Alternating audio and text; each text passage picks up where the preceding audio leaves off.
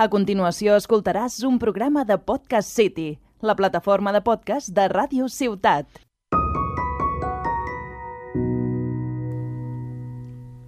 Hola, bienvenidos a Ti que te pica, programa número 21 de la tercera temporada. Hoy me acompañan Josep eh, Calero, Sí, como siempre. conocido como Pepe, que ya es la tercera vez seguida que viene porque, porque se se aburre mucho y, y, bueno, pero ahora hablaremos de él ahora. Josep Acero, que se estrena, que no pudo venir el otro día, también compañero mío de la universidad, que tenía que haber estado en el de top personajes históricos, pero, Encantado de estar aquí.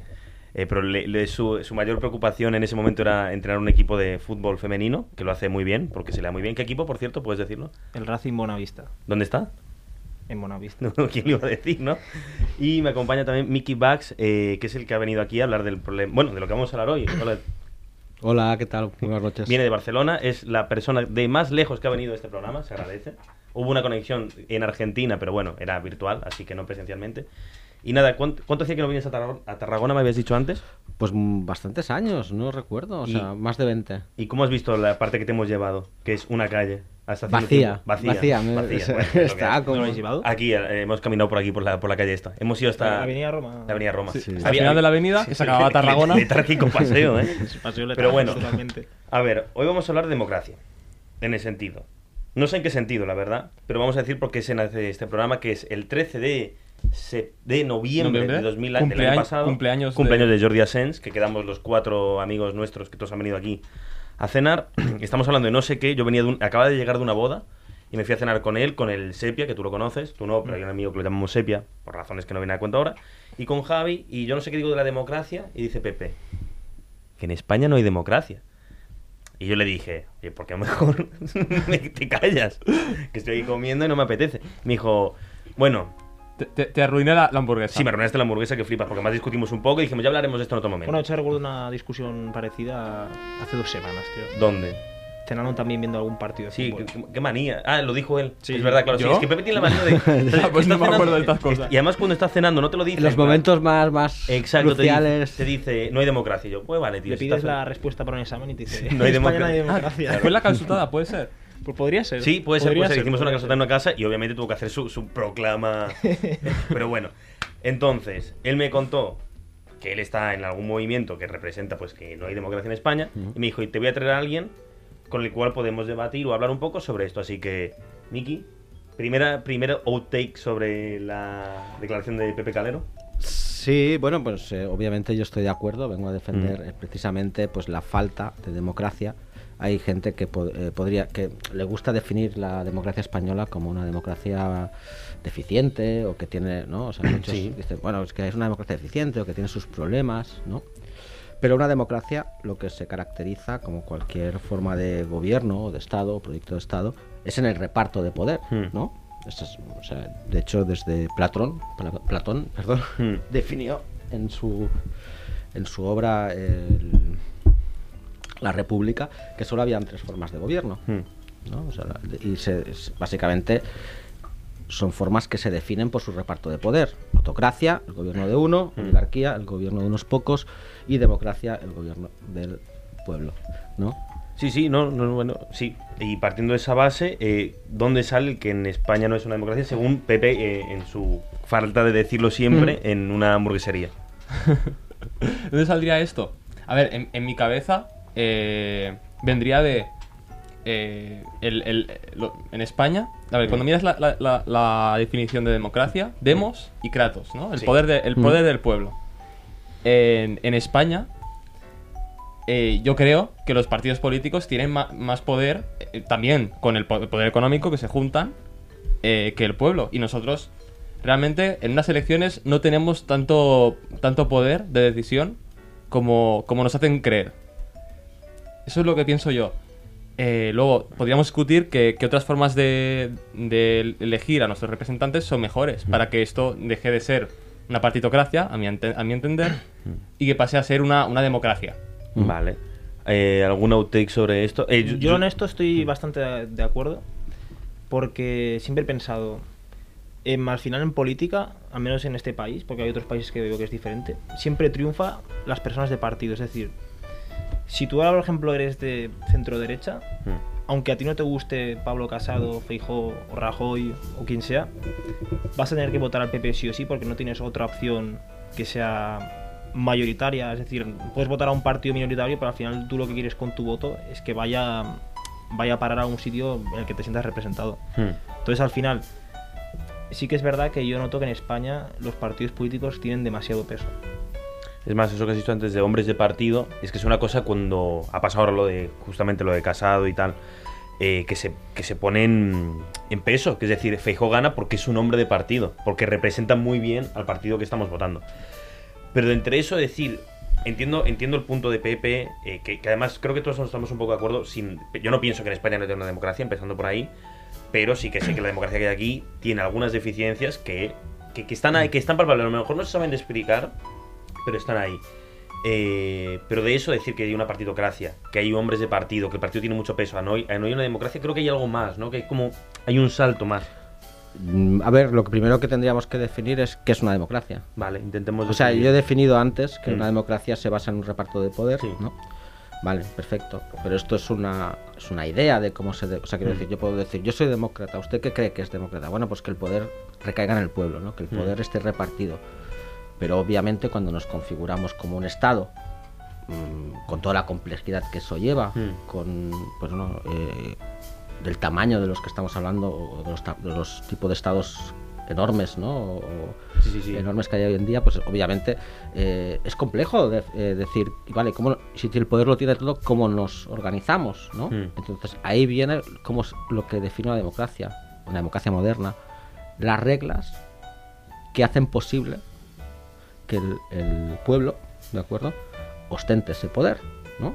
Lo Mm. que se conocería como unas reglas, obviamente, eh, formales, unas, unas normas, ¿no? Y de ahí nace, pues, el, nuestro ordenamiento jurídico, ¿no? Y las normas que configuran a través de la, a través de la Carta Magna, la, la Mm. Constitución, el propio Estado, ¿de acuerdo? Entonces, ya no solo estamos hablando que la democracia es eh, necesita eh, no solo es el reparto del poder sino las reglas que hacen que Hmm. el- ese reparto del poder sea eficiente sea se materialice vale Eh, si nos vamos eh, a, lo- digamos a la concepción originaria de la democracia había una serie de requisitos para que un sistema eh, se considerara democrático Hmm. entre ellos podríamos hablar separación de poderes imperio de la ley sufragio eh, universal, podríamos hablar de Carta de Derechos Mm. y obviamente creo que más o menos no me dejo ninguno, ¿no? Es importante, pero bueno, vamos a poner, igual luego podría añadir alguno más, ahora voy a- estos creo que son los básicos.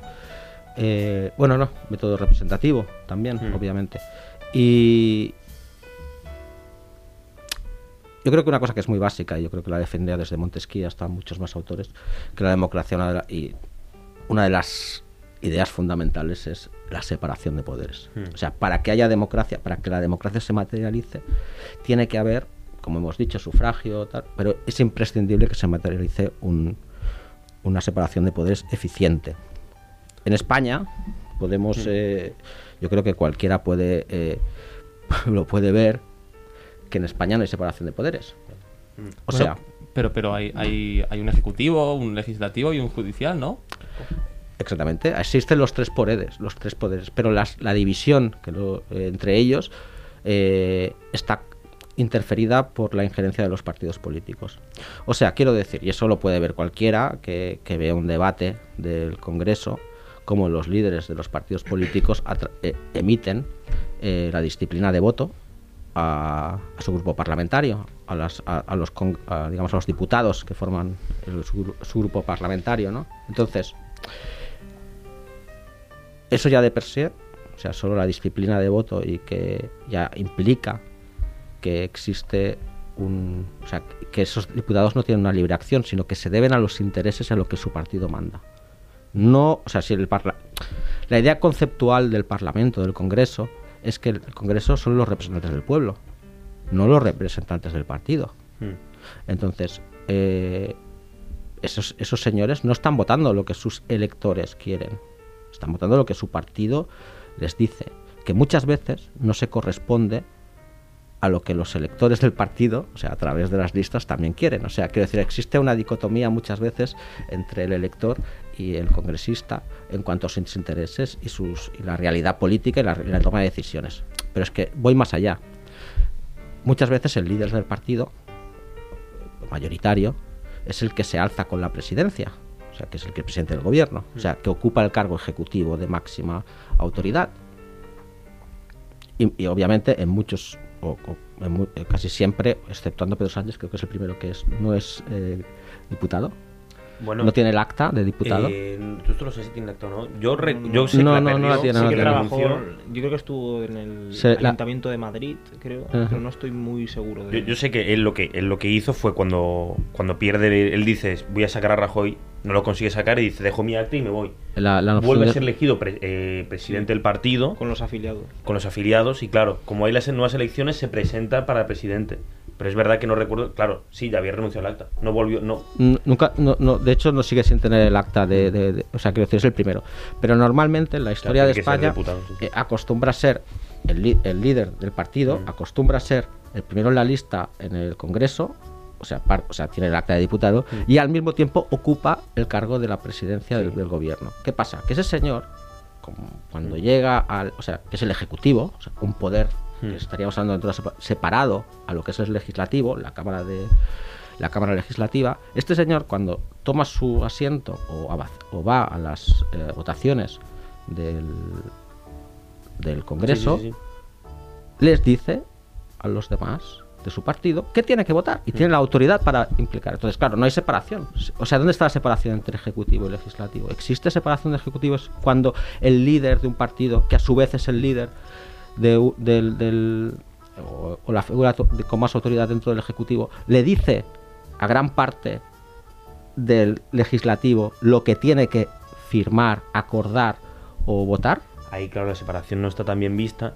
Además, que tú, has di- tú te refieres más a la figura de la pe- del presidente del partido, que también su voto o lo que él va a decir al partido que vote no viene de él, sino que viene de otra gente de atrás que le dice lo que tiene que votar, muchas veces. O sea, no algún agente, por ejemplo, económico, como pudiera ser, no se me ocurre ninguno, pero vamos, que no parte siempre de la voluntad de una persona, sino que esa persona representa unos intereses que no son tampoco las personas a las que lo han votado, sino otros intereses, como pudiera ser económico, judicial, lo que sea. Eh, Pepe. Está, está el ¿Tienes caso de- está, está el caso reciente de- del PNV, que hubieron dos representantes que UPN, dijeron... claro. UPN. UPN, que era el partido, UPN, vasco- el partido navarro. Sí, centro derecha Eh, Navarro. Que, que do- dos dijeron que no, que no querían votar que- que- A favor de la reforma laboral. Y, Sí. y vaya, Claro. que sería algo que si esos representantes, que en principio representan los lo que dice el pueblo, deciden que, su- que el pueblo, sus votantes, quieren esto, est- estarían en pleno derecho. Es- de- es a- que- Al fin y al cabo, esos dos pues han sido elegidos en, en Navarra y representan a, a parte del pueblo navarro.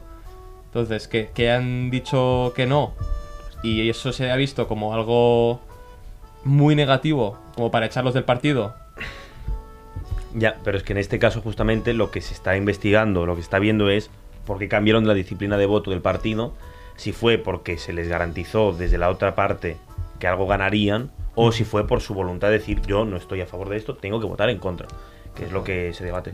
Por, lo- por, lo, por lo que ha dicho Miki, en una democracia Eh, es- formal lo que, se vería como algo normal. Que, que- Claro, pero la cosa es que en este caso justo, entiendo que yo, yo también podemos decir que la disciplina de voto es como, bueno, mm, ¿por, por qué existe? ¿no? O sea, porque tiene que decir lo que diga el presidente del, partido, es lo que tenemos que votar todos. Se entiende que todos más o menos si estás dentro de un partido es porque defiende esas mismas ideas, aunque obviamente no están así. Hasta el punto que en España, bueno, hay partidos que, no son lo que eran en su inicio y los que hay ahora, muchos son productos de otros partidos. Incluso, bueno, a día de hoy uno de los, bueno, el, gobierno es PSOE, Podemos, bueno, que ya no es Podemos, que es Unidas Podemos con eh, Izquierda Unida. Izquierda Unida, sí. No sé, Y con apoyo de partidos más como regionalistas. Como sí. eh, pero sí, justamente ese caso que has dicho tú, UPN, son los casos más recientes que ha habido en la democracia española que te dicen de pensar, Bueno, lo que pasó con Ciudadanos en Murcia. Claro, es que También. exacto, son momentos en los que te das cuenta de si esto es democracia. No, no- algo no estamos haciendo bien. Claro, es eso, porque al final lo que pasó en Ciudadanos en Murcia fue por las dos partes, porque al final Ciudadanos intentó hacer esa moción de censura por un interés propio, por el inte- intento de tener poder en Murcia, Mm.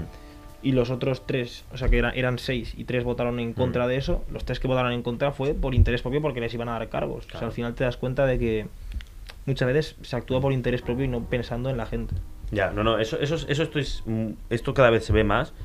eh, que la gente, y esto se dice mucho en España, bueno, tú esto lo sabías, el número de, de cargos políticos que hay en España con relación a otros países, que es como, no sé si me lo dijiste tú alguna vez, eh, era una locura comparado con lo que, que hay un montón de cargos políticos en España. ¿Tú esto lo, lo sabías, el número de, de cargos? No, no, no, ahora mismo no. Pero, sí, sé, sé que en, en proporción con Mm. otros países como Alemania o, o Estados Unidos era muy exagerado. Claro, o sea que al, al final es lo que se dice de te metes en la política y para vivir de cuento.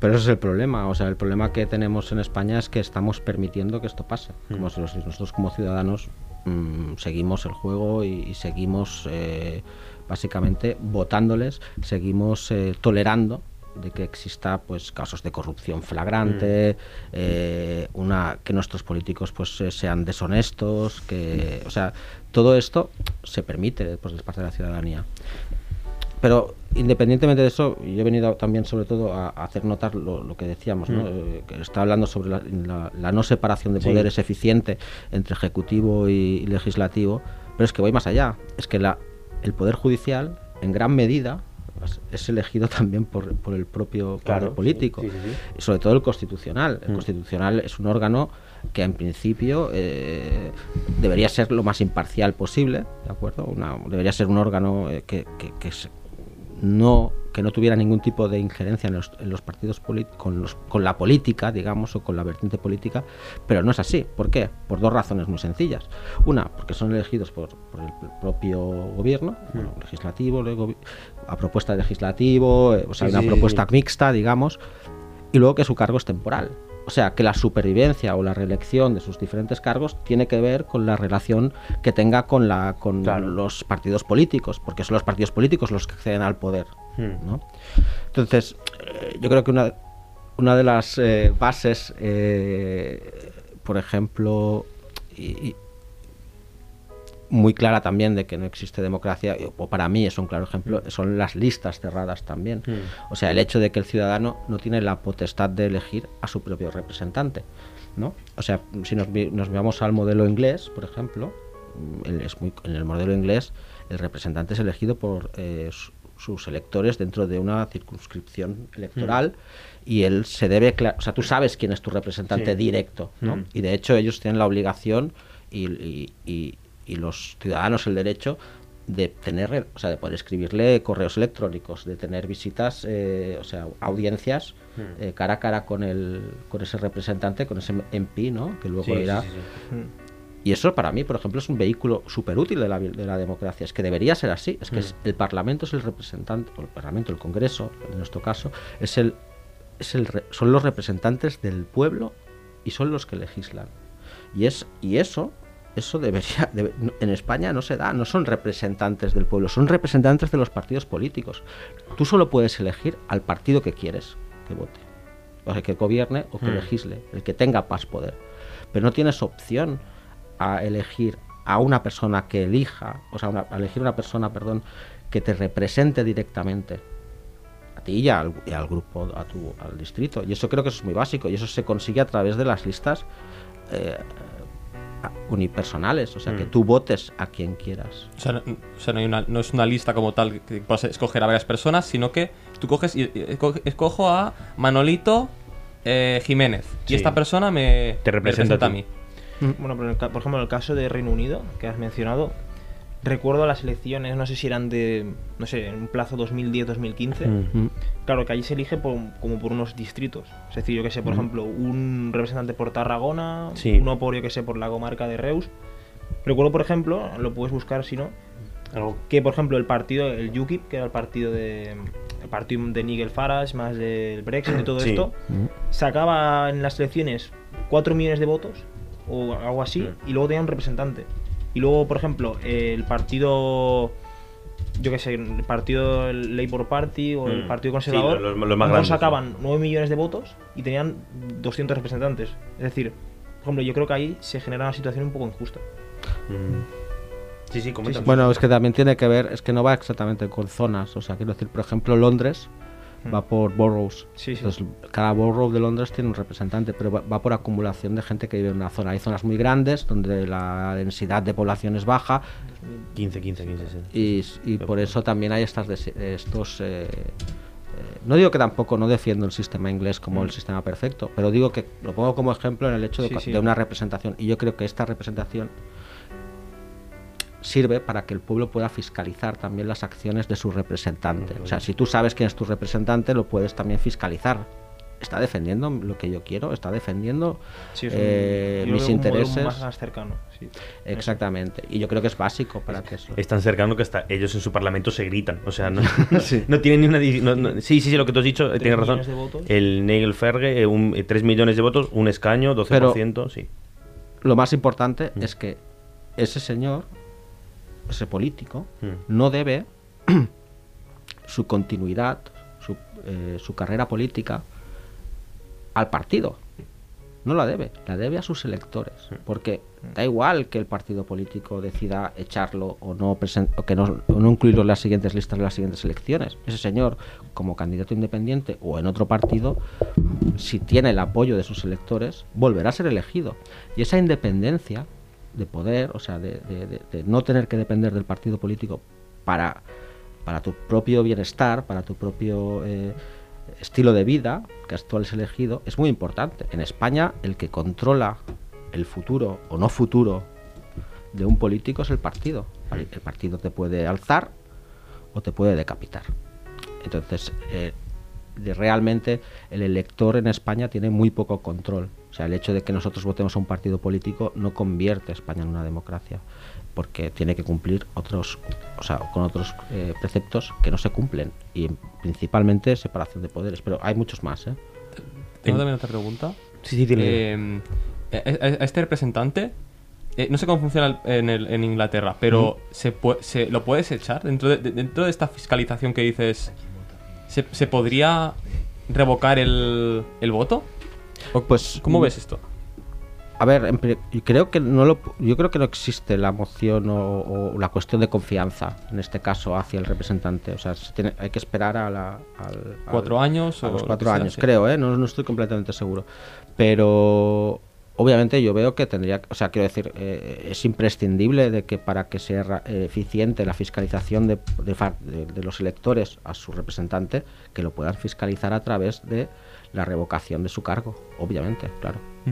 Entonces, ya he hablado un poco de democracia y tal, ahora vamos a hablar de, de lo que a donde pertenecéis vosotros, un poquito aunque sea, eh, que es otra, la alternativa a todo esto que hemos hablado, que sería pues Junta Democrática. Eh, ¿Quieres hacer tú un pequeño intro, Pepe? Que fuiste el que primero me mencionaste. Sí, es, es una asociación eh, civil que se creó hace, hace menos de dos años. Yo creo que hace, hace un año y medio, algo así. Y busca eh, este, este- estos cambios de los que, hemos comentado, eh, alguno más, eh, desde la sociedad civil. Es decir, no busca ser un partido político que, que busque que cambie las cosas desde dentro, sino que busca cambiarlas desde fuera. Junta Democrática es un ejemplo de, de esto. También, también hay otras asociaciones y, y algunos sindicatos que también buscan, buscan esto eh, desde, desde fuera del poder. Y, y uno de los mecanismos que, que al menos desde la Junta Democrática se habla mucho es de, de la abste- abstención activa. O como muy, muy bien me has dicho tú, Sí, Josep, esta mañana. Abstencionista y abstencionario. Exacto. ¿Qué, qué diferencia hay entre, entre... Alguien se abstiene, pero puede ser que esta persona se abstenga. Por- porque no se siente representado, pero cree en el sistema. Hmm. O porque simplemente no quiere Sí, votar. no quiero votar. O abstencionario es cuando tú te abstienes con un motivo, pues... O sea, que tu abstención tiene un fin Claro, político es eso, sí. para hacer un cambio. Pues claro, si, si tú quieres abstenerte, por ejemplo, pues... Pero crees en el sistema, existe, no, no sé ahora mismo cómo se llama, pero que se llama escaños en blanco o una cosa Sí, así. es- lo hemos visto, em, lo hemos visto esta mañana por Hay una cosa que no tiene en cuenta que era un Sí, partido. hay algo estos- así, se llama escaños en blanco, Sí, sí, una sí. cosa así. Pero claro, si tú eres abstencionario, pienso yo que es... O sea, bueno, pienso, es que tú votas, o sea, tú no votas, perdón, con un, mo- con un fin político. Bueno, fin político, ideológico, como le queráis llamar. Sí, yo llevo muchos años sin votar. Y no lo hago por una cuestión de ética y principios. O sea, para mí es como, primero, eh, veo que el sistema eh, es un sistema eh, totalmente eh, en el, con, el, con el con el cual no comulgo, que creo que es abusivo, que creo que es eh, tiende a, una- a- a- establecer lo que tenemos, que es una oligarquía de partidos políticos y no una democracia de partidos, como mucha gente eh, dice o cree.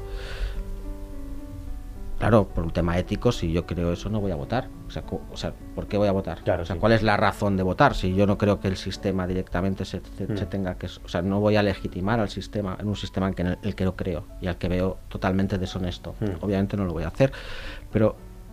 Eh, pues que... Yo creo que el, el- la- la- el- el- el no votar, mucha gente también dice el hecho de, vale, pero no votas, Hmm.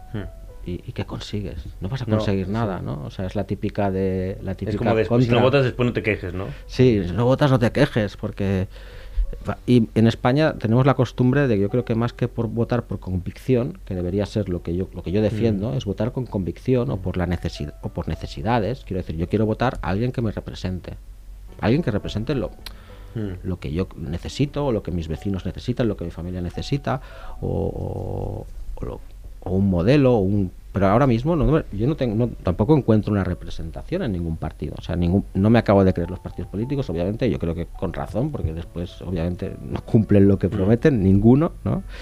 Y, y- y luego yo creo que aquí la gente vota realmente por miedo. O sea, quiero decir, vota porque cree que eh, el mundo se acaba si salen los de izquierdas, o vota porque el mundo se, se acaba si salen los de derechas. Y al final lo que realmente vemos es que, es que da igual quién salga, porque el sistema, o sea, eh, ellos simplemente utilizan estas vertientes ideológicas de izquierda y derecha y todo Mm. la semántica y lenguaje que utilizan, ¿no? De, de que si comunismo, Mm. que si facha o, Sí. tal, para, para realmente mover a la gente como si fuera esto la política un partido de fútbol. O sea, que ataca no al cerebro, no a la mente, a la mente sino al corazón de las personas. O sea, una manipulación Mm. emocional sobre la población para que ellos voten por el miedo, por el odio, incluso Sí, a sí, sí, sí, veces, hacia un lado hacia otro. Entonces, me niego a participar de esto. Yo voto, mm, personalmente, yo voto o votaría primero si creo en el sistema Mm. y luego, obviamente, si hay alguien que, en el cual me representa. Veo una representación. Veo a alguien que puede cumplir o materializar mis necesidades o, o tal. ¿Ha habido alguien que te ha hecho dudar un poquito de si votar o no votar? Pues eh, sí, o sea, de hecho, la, en el momento de- del 15M, Hmm. con el tema de, de Podemos y, demás, Podemos, pues ahí sí que tuve, tuve mis dudas, ¿no? Mm. Porque aparte el discurso de Podemos inicial era mucho de ¿no? cargarnos el sistema, Sí, re- reforma, eh, reforma de la Constitución y ¿no? Cosas- muchas cosas en las que yo pensaba eh, las decía o se decían desde, desde la vertiente de Podemos. Yo me acuerdo de Pablo Iglesias hablando de esa casta política. Mm. Exactamente, sí. Sí. Bueno, al final es un poco lo que pasó con Po- Podemos y Ciudadanos, que Sí, ese entraron así, de, de la política vamos, vamos a la política, el Pero. Vox también lo hizo. O sea, Sí, Vox sí. tenía un discurso muy parecido a Podemos sigue- en yo, creo que algunos lo, yo creo que lo aspectos. sigue teniendo hasta que en- Hasta que toque toque poder. en algún claro, y ahora ya tocó en, allí en Castilla y Castilla y León León. va a tener. Eh. Al final yo creo que Vox juega mucho con lo que quiere oír la gente. Claro, lo que, lo que estamos diciendo, que, es que yo estoy de acuerdo con eso. y claro, pues vende ese discurso, aunque suene un poco un poco raro, Vox vende un, discurso antisistema, entre comillas. Es decir, vamos a ir en contra de, de lo que. De lo que hay. Exacto. De hecho, estas ideas de que en España no hay democracia, ¿alguna vez la- las ha Sí, las se ha dicho, sí, bueno, no, o, o más que, o más que decir que no hay democracia, dudas de los que están ahí, su ética para representar al pueblo, todo. O sea, nunca, nunca yo he escuchado un ataque a la democracia, sino a los que nos representan.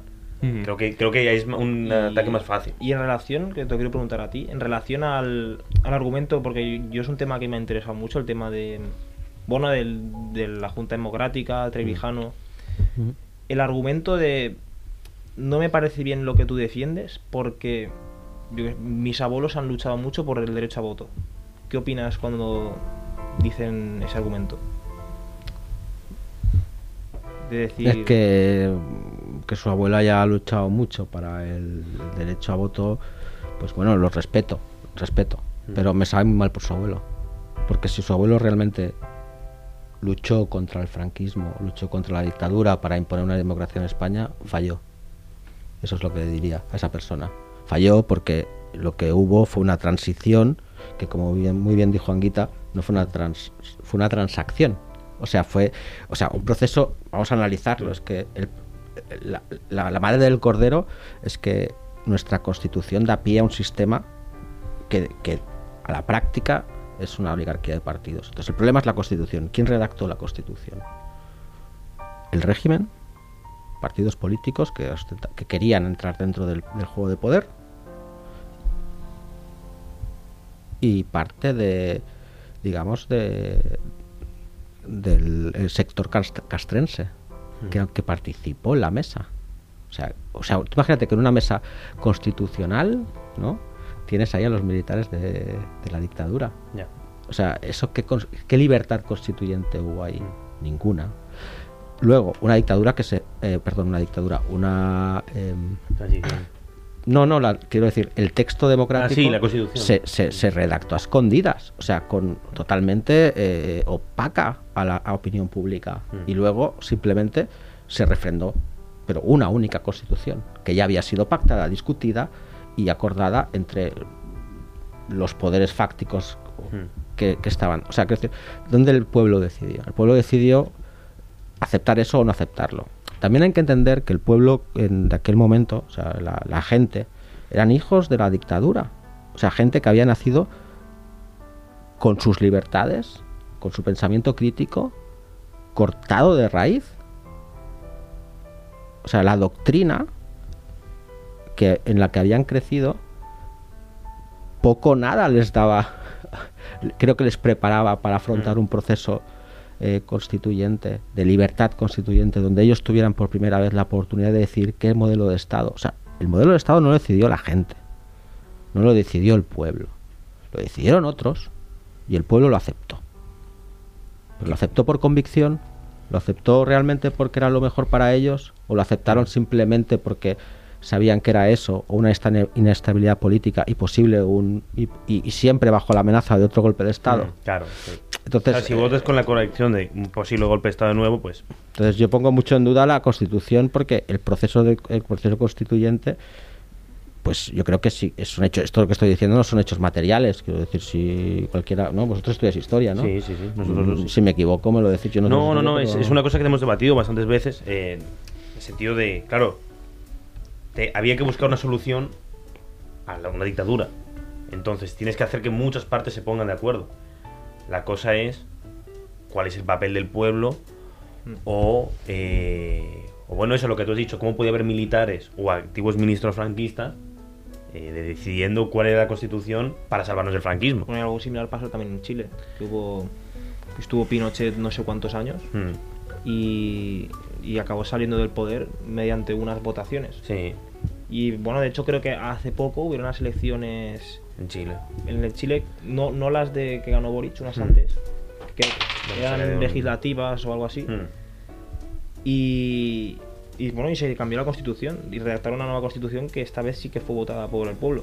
Sí, una constitución que había sido impuesta por Y Pinochet. además, eh, porque además el caso de Pinochet y Franco me, me son más o menos parecidos. Los dos- bueno, Pinochet no está muerto, empezando por ahí. ¿o ya No, falleció? sí, no, sí falleció. Ah, sí pero no, no hace tanto falleció. No, bueno, sí, 2006, bueno, me estoy, perdón, me estoy 2008. equivocando. De, me estoy equivocando. Sí, sí, sí. sí, sí. era pero- otro dictador Sí, era sí, dictador, pero, pero quiero decir Era que es algo parecido de que cuando un dictador sale del poder y quiere imponer una democracia, Mm. dicho así, claro, también tiene, tiene que apoyarse pues en...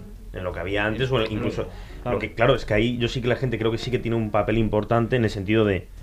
A esta gente que le hemos cortado el pensamiento crítico o que ya estaba acostumbrada al franquismo, porque esto lo hemos debatido antes fuera de radio, que es lo que decíamos, lo de la frase de que con Franco se veía mejor. Claro, porque una cosa que te permite la dictadura, lo que hemos dicho, es que si tú estás a favor de la dictadura, aquí está la línea. Si no la pasas, más o menos bien. Pero si la pasas, mal. O sea, no hay, no hay una forma de, no hay forma de verlo. Si lo pasas, es mal. Eh, entonces, claro, la gente también tendría que tener una, una serie de pensamiento tal Claro. que no era tan fácil de implantar de nuevo una cosa desde cero o no representar algunas cosas que sí que estaban antes. Mira, yo te puedo, te puedo dar una experiencia y, yo he pasado bastante tiempo en, en Vietnam y en China. Hmm. Dos países que mm, creo que no entraríamos en duda que son autocráticos, ¿no? Hmm. Eh, no digo que fuera la misma situación, no una comparación equivalente, ¿no? Pero el efecto. O sea, un poco, no voy a copiar la situación de España en el 78 Mm. con, con la situación que viví en China hace unos años, sino, o en Vietnam. Pero creo que eh, implica, o sea, el comportamiento humano es, es bastante curioso El- y creo que sí que es comparable. Y es, tú por ejemplo, tú vas a un vietnamita, y tú le explicas eh, qué es la democracia, ¿no? La democracia es que tú votas, eliges, tal, y ellos te dicen, ya, bueno, nosotros también. O sea, ellos no entienden la democracia. Mm. O sea, el no entender, o sea, si tú no entiendes la democracia, Claro. ¿cómo, vas a, ¿cómo vas a participar en un, en un proceso eh, Democrático. democrático, Mm. de constitución, o sea, de la constitución de la democracia? O sea, que estás decidiendo, o sea, está decidiendo eh, las reglas que van a fundamentar el Estado y cómo se va a repartir el poder y, qué, y, de qué, y cuáles son los derechos y cuáles son las libertades que esas personas van a tener. O sea, el, el poder soberano, ¿no? que recae en el pueblo en una democracia, ¿no? ¿dónde se materializa? Simplemente en aceptar lo que otros dicen. Oiga, pues yo du- dudo que, que eso sea un proceso constituyente con, con calidad. Pero es que también vengo lo mismo, es que es eso. Si la persona no conoce, si existe una manipulación tan bestia y, y- y un condicionamiento tan bestia al pensamiento, es imposible o sea, que, que que esa persona, o sea, tardará muchos años, o quizás tardará varios años, o igual generaciones en entender o, o aceptar o comulgar con lo que significa vivir en democracia, porque no lo saben. Y, y simplemente el hecho, y ya te digo, tú vas a Vietnam y le preguntas, oye, pero, eh, ¿democracia? Mm, No sé muy bien. Pero, pero qué, mira, pues se vota, tal, no, sí, aquí también elegimos al, al dentro del partido elegimos a este o a este. Bueno, y claro, en eso te- te- te- tenemos que entrar en el tema de qué concepción tiene democracia la gente. Ya, Porque, eso. por ejemplo, y- y me pongo un caso, Re- Corea del Norte en su mismo nombre lo pone, República Sí, sí, sí. Popular Democrática Sí, de sí. Corea, y votan, o sea, ahí votan. Y, y no, no hay un partido solo, hay tres. Está el partido... eh, Partido el uno, partido dos, el partido tres. Juche, partido Juche, el Partido So- Socialdemócrata, Sí. o sea, hay un partido que se llama Socialdemócrata, y un partido junchoísta, que es una religión que hay ahí. Mm. Sí. Entonces, claro, al final eh, estamos siempre. ¿Qué concepción Bueno, tenemos de democracia y- aquí? y- ¿Qué concepción tenemos de democracia en Corea del Norte? ¿Y qué concepción de democracia tienen en otro país? Y técnicamente aquí la dictadura, desde dentro, se la llamó democracia orgánica. Sí, durante algún tiempo. digo. O sea, es eso, es la- una palabra que se ha prostituido un montón, democracia. Obje- objetivamente, esa palabra está prostituida. Exacto, entonces yo lo que vengo es si el reparto, yo vengo al reparto de poder, o sea, me voy otra vez a, Mm, sí, a la concepción de, Mm. de Platón del reparto de poder. El poder no está en el, actualmente no está en el poder. El po- El poder lo único que son son, está en mano de oligarcas, Mm. o sea, en- ya no en el partido político, porque podríamos decir no, pero es que el partido político lo- también lo forman ciudadanos y por lo tanto, ya ya, pero es que ni siquiera el partido político, porque los partidos políticos y si alguien ha militado de un partido político, lo sabrá, son verticales. Mm. O sea, si- van- existen niveles y estratos. Y el que realmente tiene un poder ejecutivo enorme es la cúpula. ¿vale? Sí que podemos, eh, sí que a veces las bases pueden tener una cierta repercusión, eso es obvio que puede pasar, o sea, quiero decir, existe la posibilidad En el caso de Pedro Sánchez fue... eh, exacto, Sí. fue a través de las bases. A eso me estaba pensando en ese caso y ha habido otros casos, pero en general eh, lo que nos lleva es que eh, a, oligarcas, o sea, a, a- a que haya cuatro o cinco señores, ¿no? y ahora, ahora después del 15M, aún ha habido un, un, digamos, han entrado más eh, Sí. actores en el juego, pero antes que vivíamos en un partidismo, es que vamos, O sea, al final la conclusión a la que se puede llegar es en política no va- Eh, Da igual, da igual, hay un tornillo ahí suelto. en política nunca va a triunfar en política nunca va a triunfar eh, bueno puede ser puede darse algún caso pero nunca va a triunfar una, un político que sea que mire por la gente o que mire Mm. esto sino va, va a triunfar un político que sea una persona de partido Ya, es- sí, sí, sí, por Claro. supuesto. y que tenga el, el apoyo de la cúpula, de las bases. Y claro, al final eso nos hemos encontrado muchos casos de políticos que se han dedicado solo a la política en su vida. Sí, sí, sí, bueno, hay bastantes, sí, sí, sí. y eso Sí. tampoco tiene por qué estar mal. No lo veo, no, lo veo no, mal. no lo veo mal, en el sentido de que entras y te vas o sea, ya no que te vayas nutriendo, que eso también está bien para hacer, supongo, una vida política o tener alguna idea formada desde, oye, yo llevo aquí 25 años, poco entiendo. Pero al final van escalando hasta que llegan. ¿Y por qué escalas? Porque eres un hombre partido. Claro, pero ahí vengo. Es, y para mí la escalada tiene que ser a través de, de- de la acción política y, y el feedback Hmm, de del elector.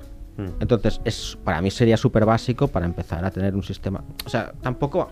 Yo creo que una democracia, y puedo hablar. Yo no soy un demócrata eh, por convicción o Mm. ideológico, yo soy un demócrata por, por resignación. Mm. Quiero decir, entiendo que es el sistema menos malo. Sí. Pero no creo que la democracia sea un sistema perfecto. Mm. La democracia tiene muchos vicios. Y, y una democracia siempre he pensado que es tan fuerte como la ética y el pensamiento crítico de sus, de sus ciudadanos. Sin eso, sin, sin esos dos eh, principios, digamos, ya de base, o sea, de la ciudadanía, es muy difícil construir una democracia saludable. Mm. ¿vale? Eh, pero existen eso es muy difícil porque eso sería es, es una cuestión cultural pero sí que existen métodos formales o sea a través de leyes y, y a través de normas que, que pueden mejorar la democracia por ejemplo lo que estamos hablando que es el sistema de elección uninominal que exista la capacidad del- de los electores de revocar a ese eh, eh, representante en el caso de que pues mala praxis, abuso de poder o lo que sea. Y eso yo creo que condiciona porque el político ya no depende del partido, mirará por su propia supervivencia política, obviamente, porque al final eh, eso, es, eso es humano, pero se debe a, su, a sus electores. Y yo creo que en eso funciona, eh, de- debería basarse, por ejemplo, eh, la- una democracia.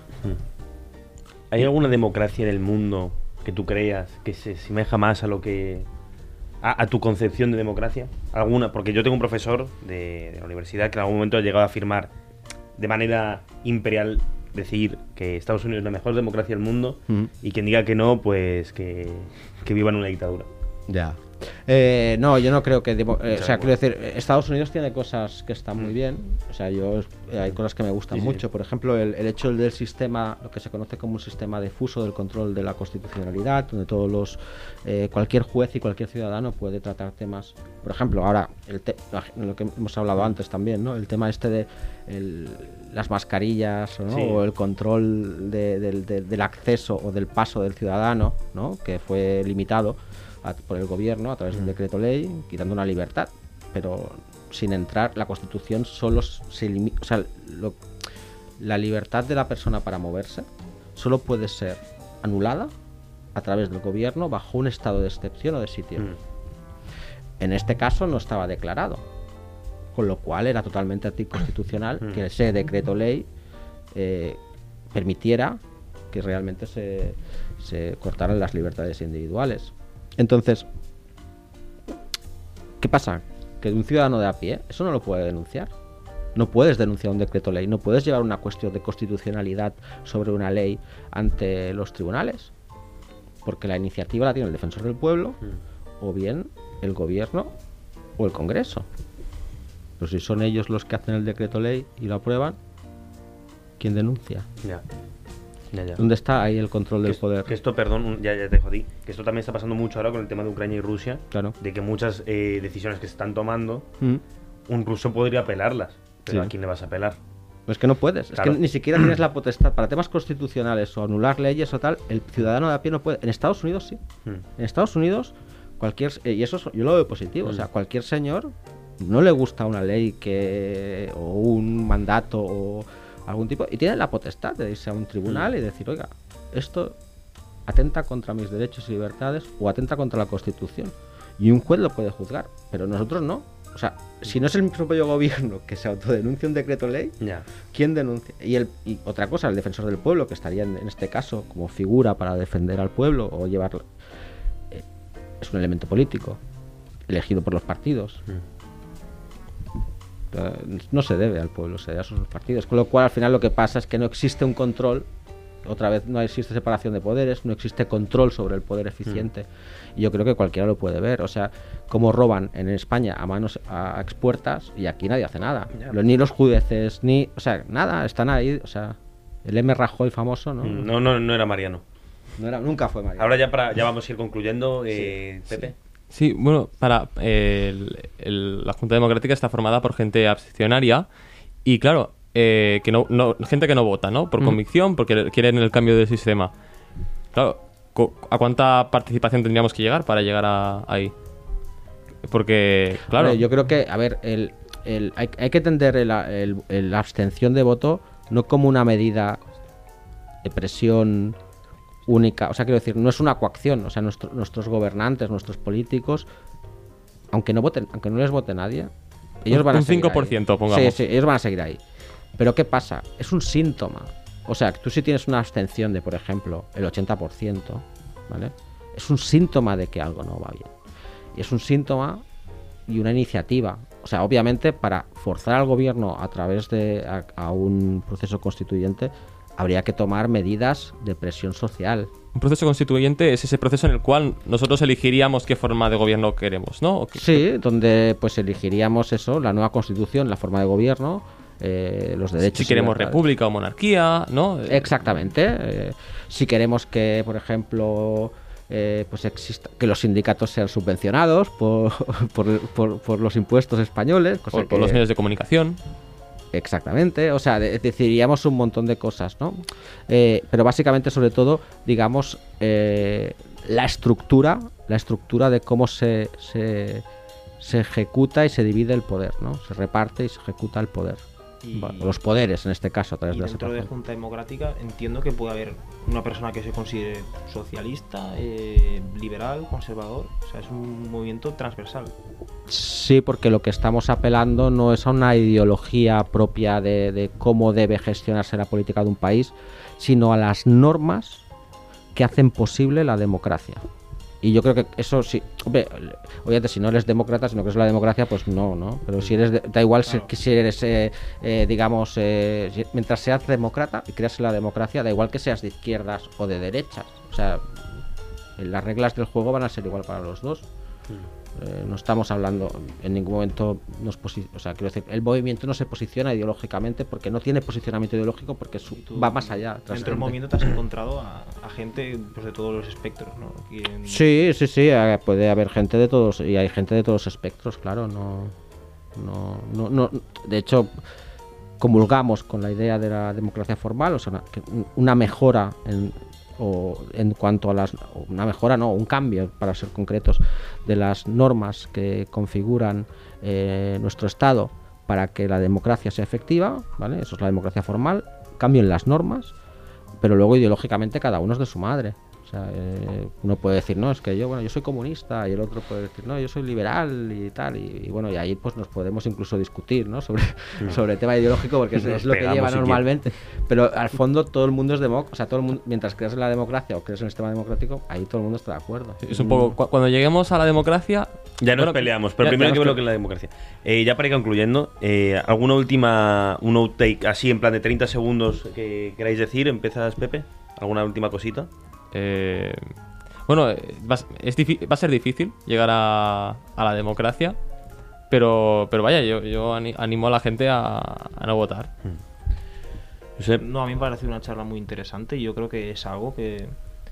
que está creo bien que se le debatir. podría- Sí, debatir y creo que se Mm. le podría dar más exposición en los Sí, medios. eso, eso estaba, eh, no se nos ha ido mucho tiempo al final, hemos empezado un poco tarde y tal, pero, pero era, un, era un tema a tratar de la exposición en los medios de qué pasa con la democracia. Yo creo que el descontento en España con la democracia está creciendo bastante, o sea, o la forma que tenemos de entender la democracia. Y al final, aunque tú puedes pensar que sí que hay democracia o creer mucho en la democracia o tal, es, hay que darle un- una vueltita.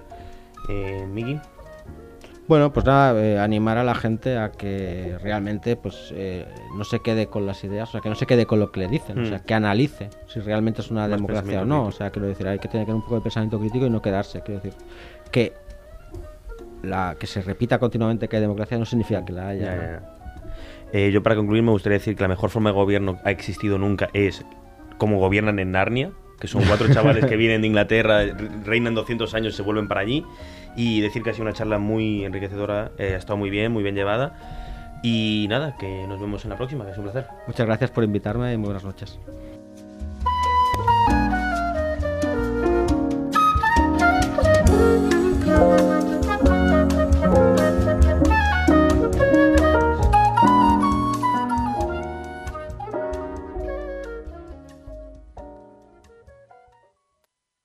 Has escoltat un programa de Podcast City, la plataforma de podcast de Ràdio Ciutat.